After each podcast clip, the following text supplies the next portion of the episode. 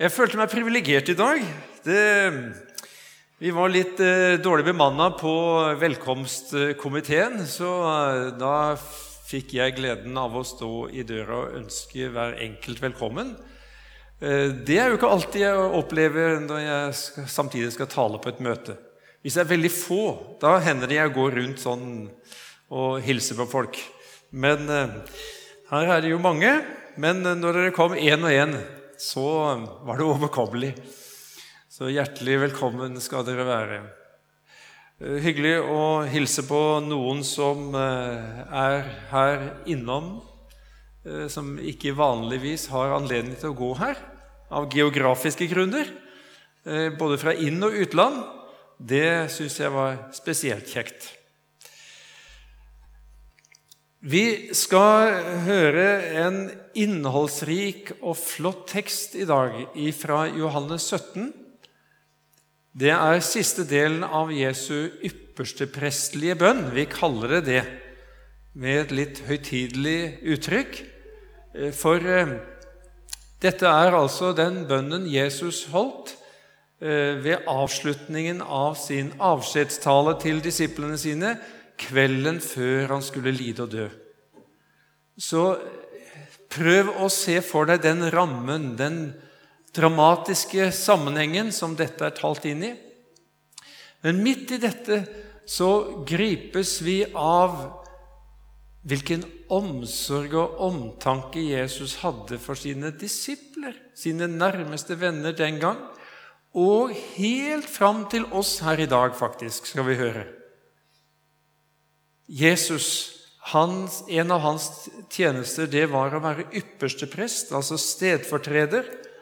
Det viser han på en veldig fin måte i denne bønnen som vi skal lese. Siste delen av. Som vi skal be siste delen av. Jeg hadde et ønske om det. At ikke det bare blir liksom noe vi hører Jesus sa, men at vi blir dratt inn i denne bønnen.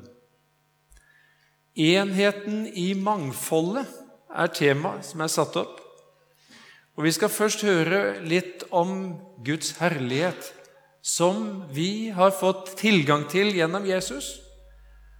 Den fører oss inn i en himmelsk enhet allerede her på jord. Den gir oss også det ansvaret å dele dette med andre. Og så har vi all grunn til å gjøre det med iver, fordi vi skal få se fram mot den dagen da Jesus skal la oss få se Hans herlighet. Slik rammes teksten i dag inn omkring ordet herlighet. La oss først eh, fortsette å be sammen. Kjære Herre Jesus Kristus, vi takker deg og priser deg for den kjærlighet og omsorg som du viser også gjennom disse bønneord som vi skal minne hverandre om i dag. Og vi ber deg, Hellige Ånd, om at du må være her og dra oss inn i Jesu hjertelag, Jesu kjærlighet, Jesu herlighet, slik at eh, vi kan takke med undring over hva vi har fått ved troen på Han. Og vi ber deg, Herre Jesus, om at denne herlighet som du har gitt oss, må komme tydeligere til uttrykk gjennom våre ord og gjennom vårt liv, slik at vi kan bli bevart i enheten med deg og med hverandre, og at vi kan trykke andre inn dit. Så ber vi deg også, Jesus, om at vi alle som er her, kunne nå fram til den fulle erfaring av din herlighet, som også er vår herlighet. Amen. Jeg leser innledningen til dette avsnittet og fortsetter i vers 18, som er dagens tekst. Dette talte Jesus, og han løftet sine øyne mot himmelen og sa:" Likesom du har utsendt meg til verden, har også jeg utsendt dem til verden. og jeg helliger meg for dem, for at også de skal være helliget i sannhet. Jeg ber ikke bare for disse, men også for dem som ved deres ord kommer til tro på meg, at de alle må være ett, liksom du, Far, i meg og jeg i deg, at også de må være ett i oss, for at verden skal tro at du har utsendt meg. Og den herlighet som du har gitt meg, har jeg gitt dem, for at de skal være ett, like som vi er ett. Jeg i dem og du i meg, for at de skal være fullkomment i lett, for at verden kan kjenne at du har utsendt meg og elsket dem, like som du har elsket meg. Far, jeg vil at de som du har gitt meg, skal være hos meg, for at de skal se der jeg er, for at de skal se min herlighet, som du har gitt meg. Fordi du har elsket meg før verdens grunnvoll ble lagt.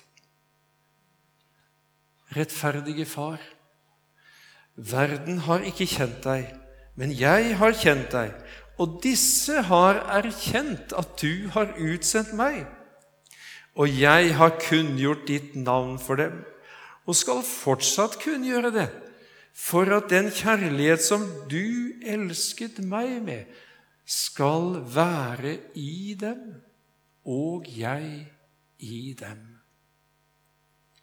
Amen.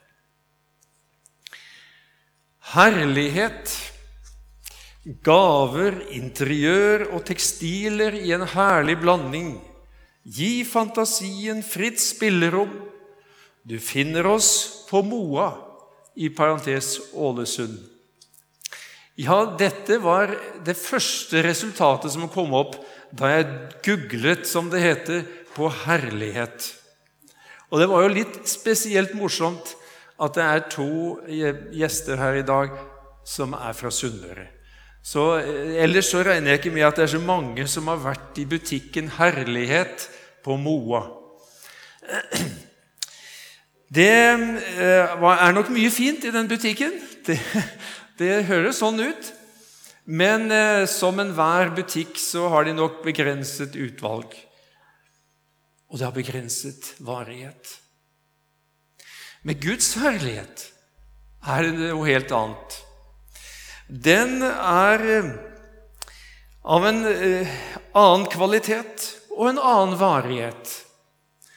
Ordet herlighet i Bibelen det brukes på forskjellige måter. Først og fremst forbinder vi det kanskje med den himmelske lysglansen som eh, kommer til uttrykk når Gud åpenbarer seg for mennesker. Slik som han f.eks. gjorde i den lysende skyen som senket seg ned over tabernaklet, denne skrøpelige helligdommen som israelsfolket bar med seg da de var i, under ørkenvandringen.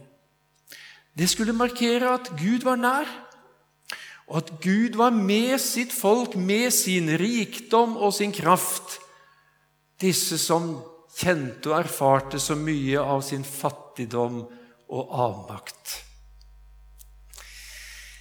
Guds herlighet det brukes også om Guds egenskaper. Det kan stå som et samleuttrykk for Guds egenskaper, men også for de enkeltvis, slik som f.eks. Guds rettferdighet, Guds kjærlighet, Guds godhet, Guds barmhjertighet, men også på den mer alvorlige siden Guds hellighet og Guds vrede.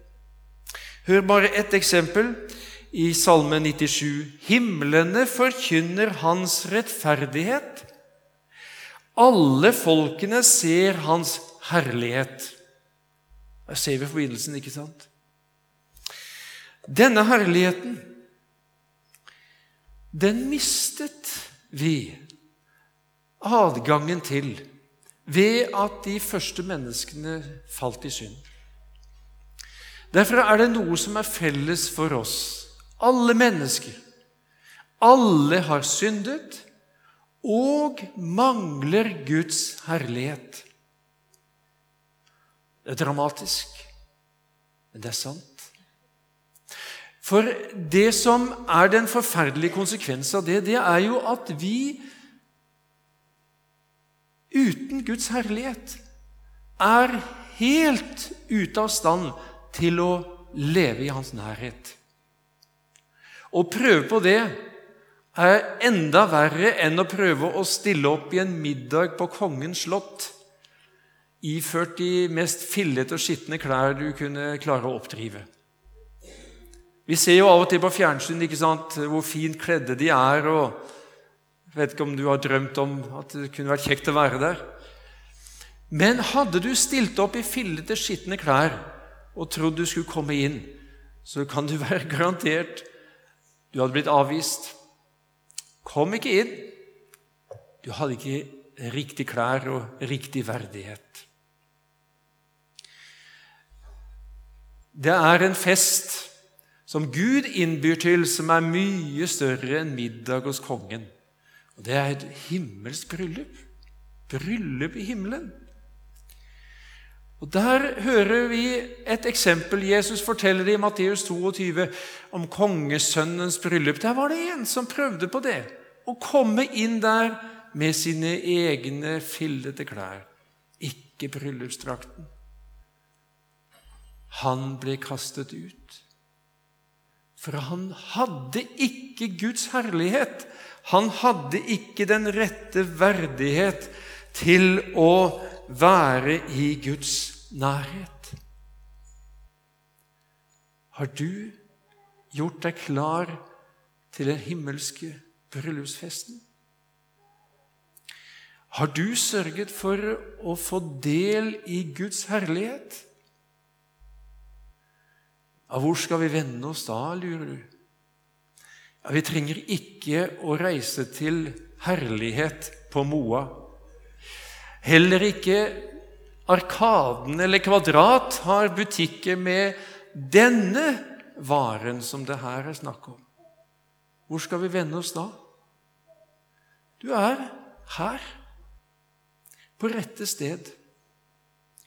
Her er Guds herlighet tilgjengelig i dag. For vi hørte jo det i det Jesus ba. Den herlighet som du har gitt meg, den har jeg gitt dem. Tenk for et budskap! Den herlighet som vi mistet gjennom synden som kom inn i verden, den har Gud gjort tilgjengelig for syndere i sin sønn Jesus Kristus. Han hadde den fra evighet av Jesus som Guds sønn.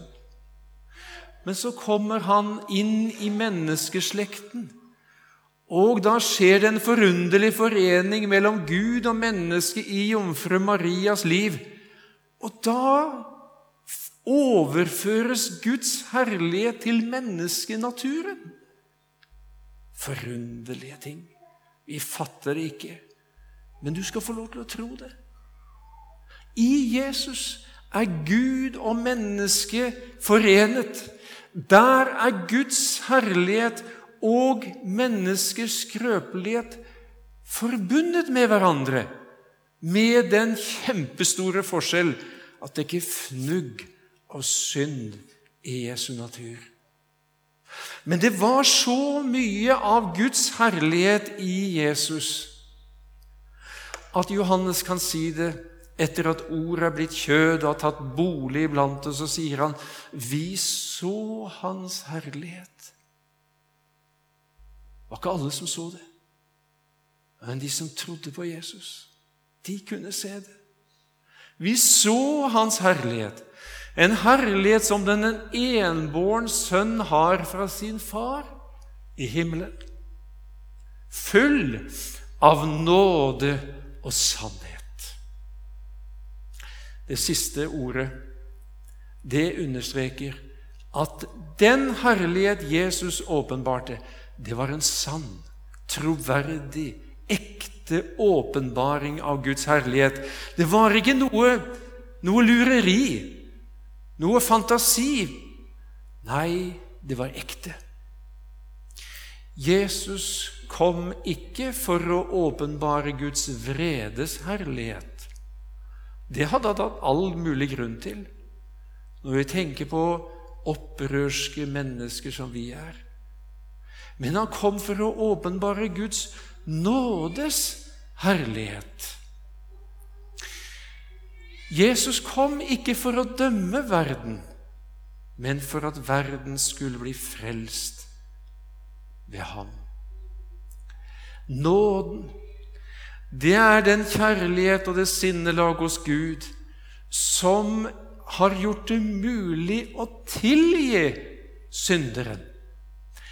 Det henger sammen med det Jesus sier her i teksten 'Jeg helliger meg for dem', sier han. Det vil si, jeg innvier meg som Guds offerlam for de som egentlig var og er skyldige til den evige dom. Men jeg innvier meg for dem, for at de skal være helliget i sannhet, vil si renset ifra all synd. Det er den herlighet som Jesus kommer nær til her med i salen i dag en nådens herlighet som gjør at i samme øyeblikk som du tar imot Jesus, så har du del i denne nådes herlighet. Og i samme øyeblikk er du verdig til å stige rett inn i det himmelske bryllup, og Gud kan se på deg ifra sin himmel nå og si om deg 'Jeg er fornøyd'. Jeg er tilfreds. Jeg ser bare et fullkomment menneske gjennom min sønns herlighet. Det er derfor det fortsatt er sant at alle dem som tok imot ham, Jesus, dem ga han rett til å bli Guds barn, de som tror på Hans navn. Du skjønner, Gud har ordnet med en rett, en fullmakt, i evangeliet, som gjør at i samme øyeblikk som du våger å gripe tak i det i troen, så er det ditt. Så er det ditt. Da er du å betrakte ikke bare som fars og mors barn, men som Guds barn, med den himmelske herlighet. Ja, vi ser vel kanskje ikke at den stråler ut av oss med sånn en slags glorie eller sånt, men det gjorde det ikke med Jesus heller. Det er bare kunstnerne som har tegnet glorie på Jesus. Ellers så han ut som et ganske vanlig menneske. For de som så på han med alminnelige øyne. Men de som så på han med troens øyne, de så det var noe mer med denne mannen.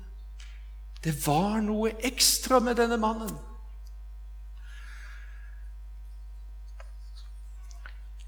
Sånn er det Guds tanke og plan med ditt og mitt liv. At mennesker også skal få se noe av denne himmelske herlighet som vi har fått del i ved troen på Ham. For det forunderlige er jo at når vi får del i denne herlighet, så kommer vi inn i en enhet med Jesus, med Gud Fader, som han nevner her, også med Den hellige ånd, med hele den treenige Gud. Og fordi dette er felles for alle kristne, at de har enhet med den treenige Gud, så har også vi enhet med hverandre. I utgangspunktet er vi jo rimelig forskjellige, men vi er ett med hverandre i Kristus Jesus. Den herlighet som du har gitt meg, har jeg gitt dem, for at de skal være ett, liksom vi er ett. Jeg i dem og du i meg, for at de skal være fullkomment til ett. Ja, dette overgår langt min forstand, og sannsynligvis også din. For når vi tenker på den enheten som er innad i den treenige Gud De er tre, men de er én. Ett i guddommelighet, hellighet, kjærlighet, vilje og alt det som tenkes kan. Og så sier altså Jesus her at vi, til tross for vårt mangfold, er kommet inn i en tilsvarende enhet. Det er ikke noe eget produkt. Det er bare Guds herlighet som har gjort det mulig. Den samme herlighet som Gud ga Jesus, den har Han gitt oss. Det er hemmeligheten. Hvis vi skal plukke ut én kvalitet ved Guds herlighet som har stor betydning i denne sammenhengen, så tror jeg det må være kjærlighet. Den guddommelige kjærlighet som benevnes ved et spesielt ord i Bibelen agape. Sikkert hørt det. Det brukes bare om den guddommelige kjærlighet som er ren, som er uselvisk, som er oppofrende, som hele tiden tenker på andre og det andres beste. En slik kjærlighet er det Jesus har gitt deg og meg del i. Det står det i det siste verset at Jesus har kunngjort Guds navn med alt det som det innebærer for disiplene, for at den kjærlighet som du elsket meg med, skal være i dem, og jeg i dem. Jesus bor i deg. Hvordan kjenner du Jesus? Kjenner du ikke Han som en som er full av kjærlighet? Jo, det tror jeg. Han bor i deg. Da bor også Guds kjærlighet i deg. Ja, Guds kjærlighet er utøst i våre hjerter ved Den hellige ånd som er oss gitt, sier Paulus i Romerbrevet 5. Det er denne kjærlighet som fører oss inn i en enhet med Gud og med hverandre. Da kan vi faktisk erfare noe av det som skal kjennetegne tilværelsen i himmelen. Da skal troen ikke trenges lenger, ikke håpet, men da blir kjærligheten tilbake. Og så synger vi en sang Velsigna band som bind, Guds folk i saman her. Med same kjærleik, same sinn, som i Guds himmel er. Er det mulig? Ja, Jesus sier det. Det er mulig. Det er sånn det er, sier han. Tenk om vi kunne få erfare dette i større grad. Det kan godt tenkes at du i møte med dagens tekst har allerede tenkt deg litt om i dagens kirkelandskap og tenkt hvor mye er det av denne enheten? Det er jo så mange organisasjoner og kirkesamfunn og menigheter og retninger både her og der.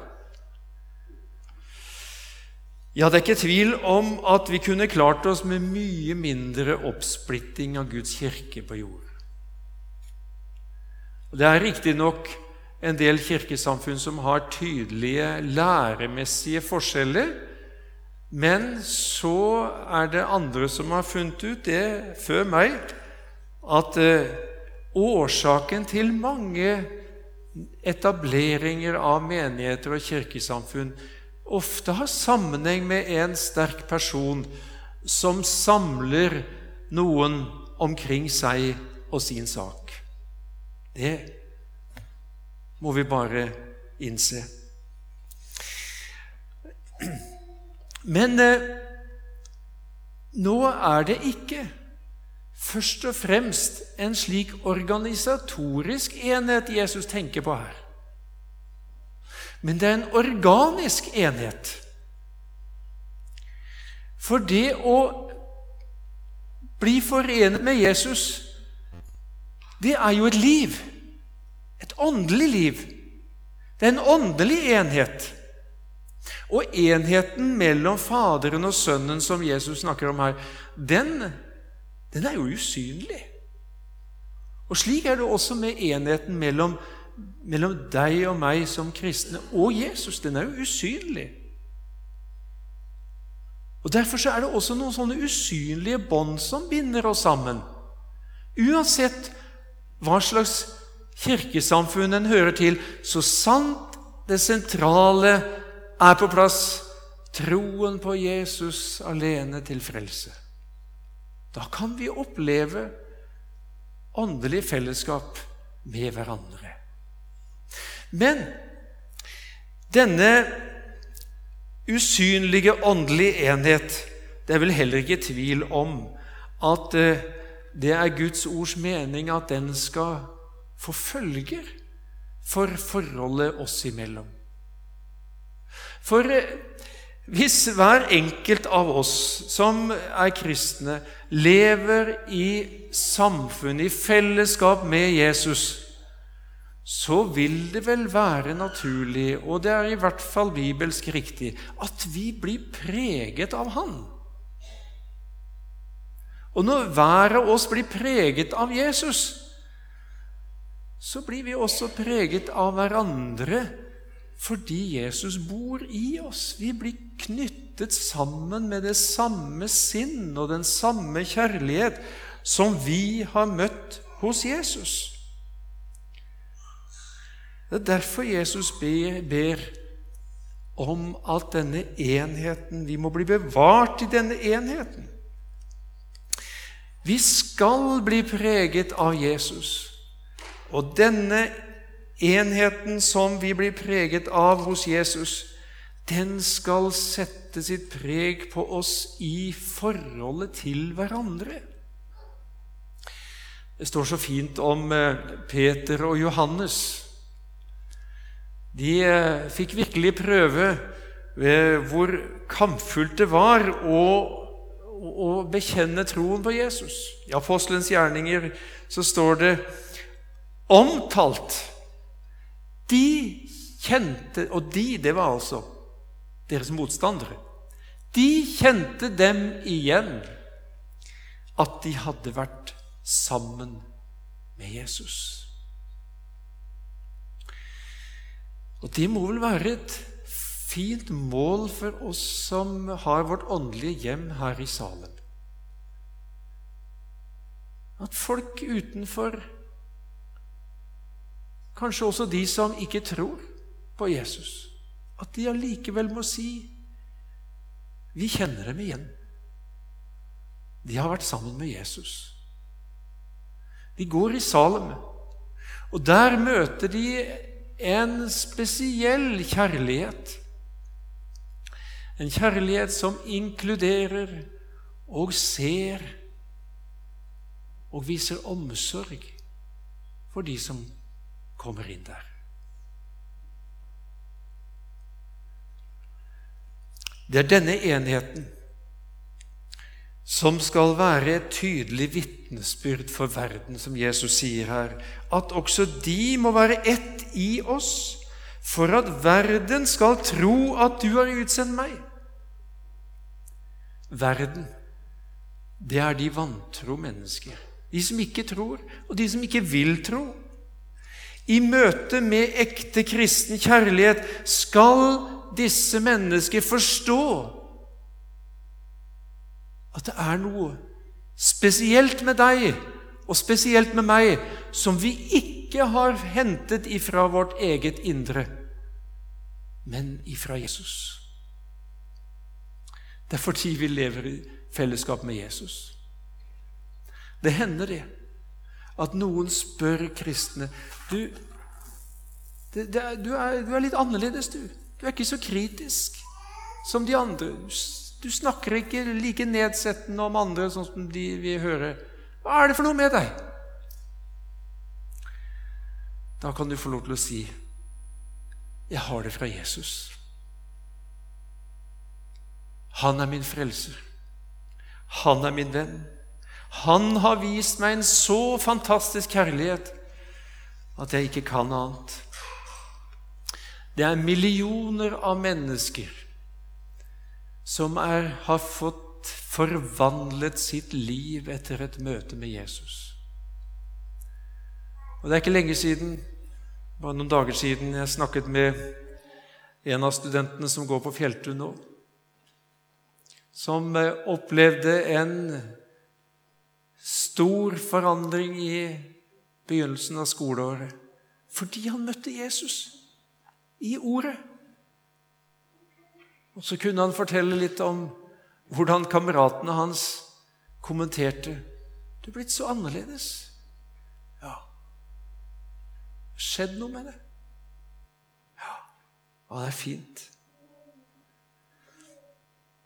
Når Jesus ber om at vi må bli bevart i enheten med hverandre, så dreier det seg dypest sett om å bli bevart som kristen. Fordi at opphører du å være ett med andre kristne, da har du jo også ikke lenger enheten med Jesus på plass. Så nøye henger disse to tingene sammen. Jesus sammenligner det med å være grein på vintreet, og det er han som er vintreet. Eller å være lem på legemet, og så er det han som er legemet.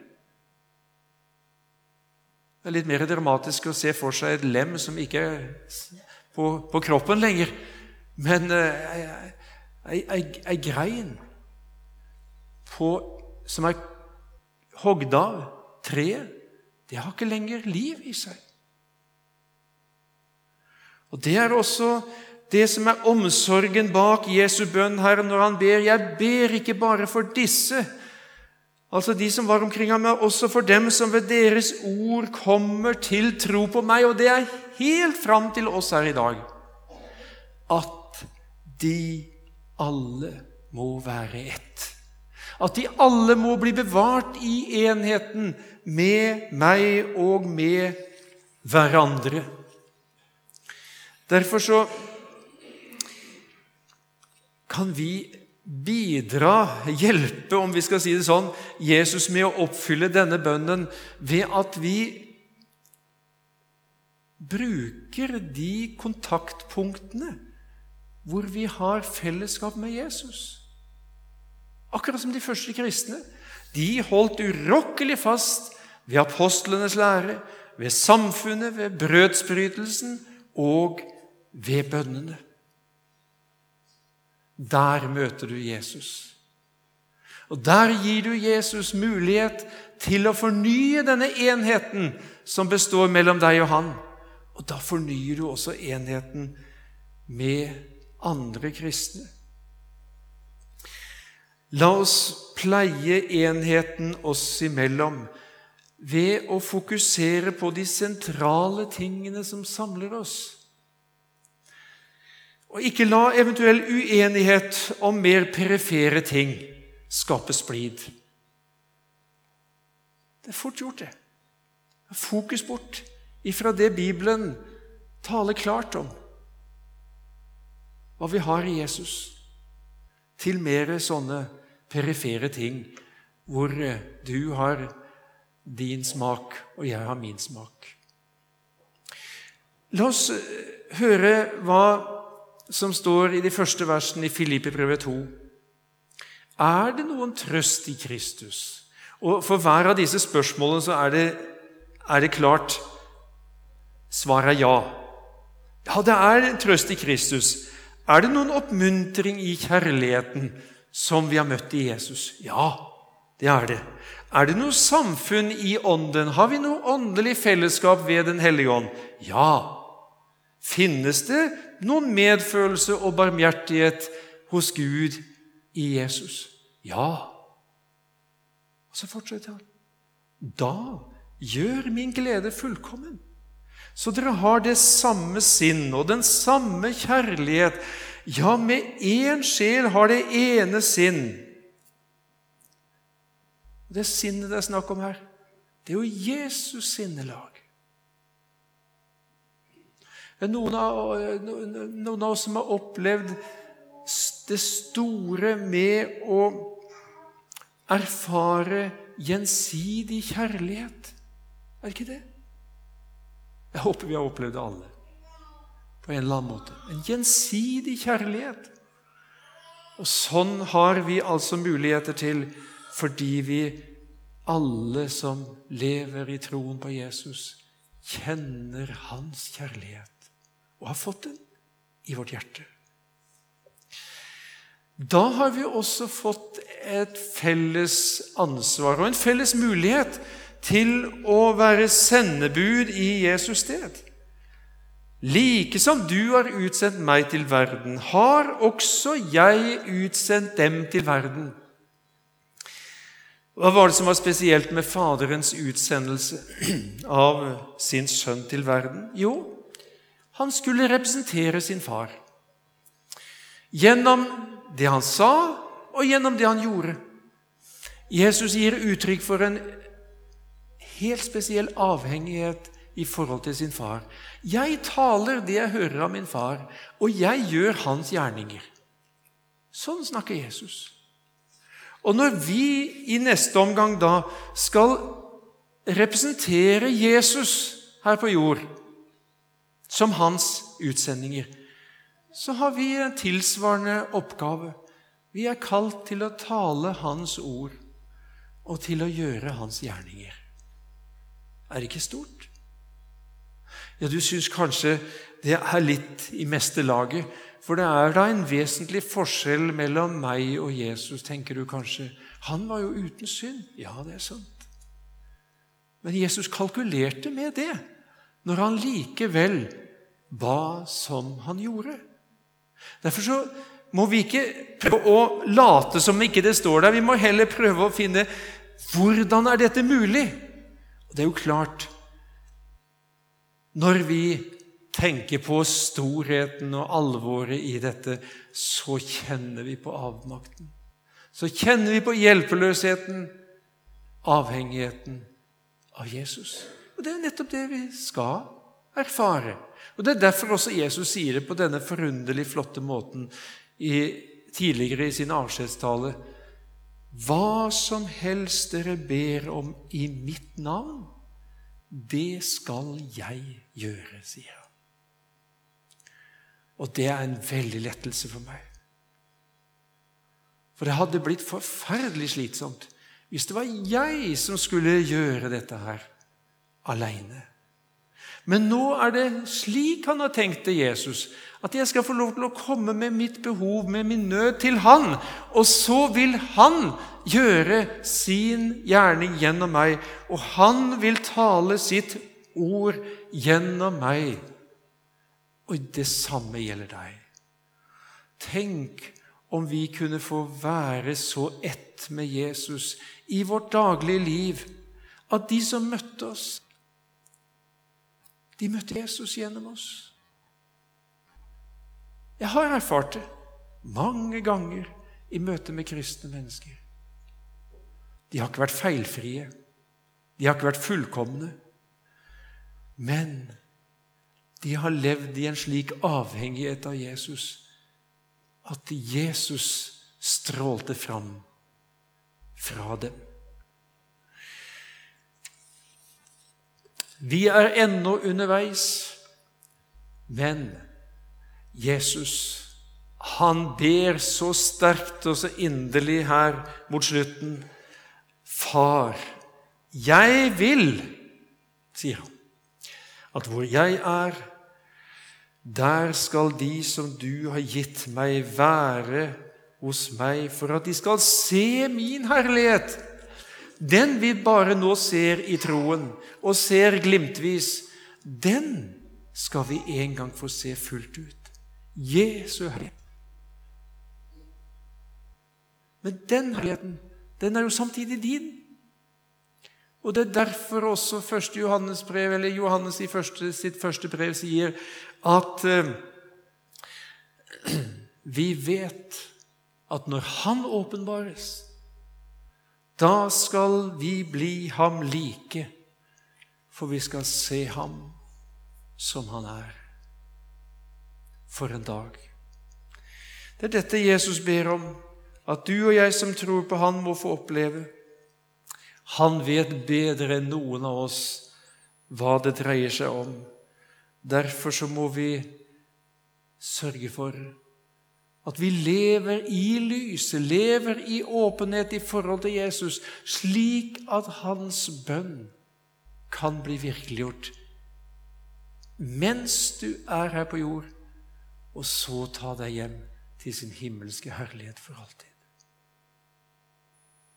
Kjære Jesus, vi ber i ditt navn at det må lykkes. Amen.